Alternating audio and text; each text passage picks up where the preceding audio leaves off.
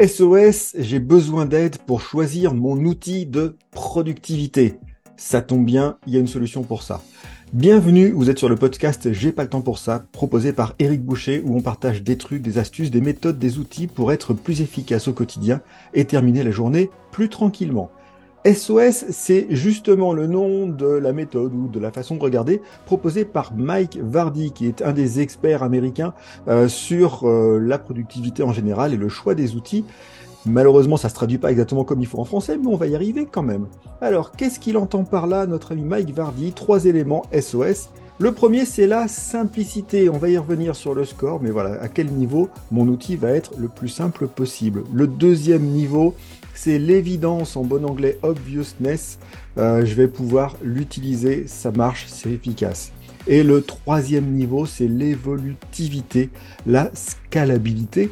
En bon anglais, ça fonctionne aussi. Donc SOS, simplicité, en français, évidence et évolutivité. Concrètement, vous allez mettre un score sur chacun de ces trois critères, un score de 1 à 3. Si je prends la simplicité pour commencer, ça va aller de complexe à simple. Donc plus le score est bas, moins c'est bon. Complexe, l'outil est compliqué, difficile à naviguer et demande des efforts significatifs pour le comprendre et l'utiliser correctement. Modéré, l'outil a une certaine complexité, mais j'arrive quand même à comprendre comment ça fonctionne. Et simple, l'outil est intuitif, facile à utiliser et demande des efforts minimaux pour le comprendre.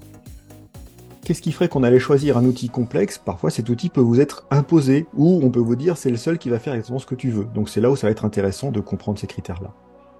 Deuxième critère, évidence, qui va de pas clair à clair. Quand on dit que c'est pas clair, l'utilisation d'outils, les bénéfices ne sont pas si clairs et ces fonctionnalités peuvent être confuses, pas faciles à comprendre. Quand c'est partiellement clair, l'outil a des bénéfices apparents et des fonctionnalités aussi qui sont apparentes. Et il y a des endroits où c'est pas forcément toujours clair. Et le niveau 3, donc c'est clair.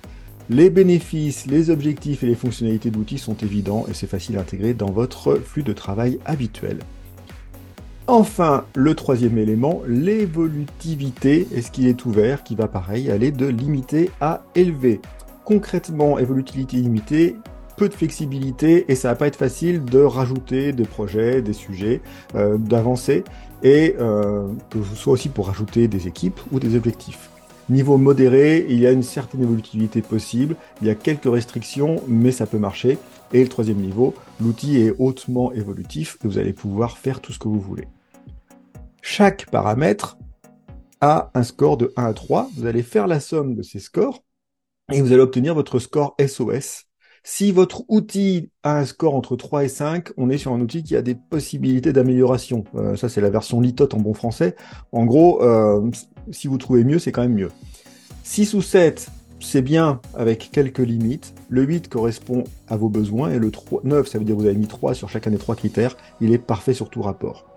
L'intérêt de ça, comme je le dis souvent quand il s'agit de choisir un outil, c'est lié à votre cahier des charges. Vous allez définir un certain nombre de besoins, vous allez tester un certain nombre d'outils. Et cette grille SOS ou SEE e en bon français va vous permettre d'avoir une lecture rationnelle des différents critères euh, d'application de votre outil. Donc voilà une grille SOS, simplicité, évidence, obviousness et évolutivité, scalabilité.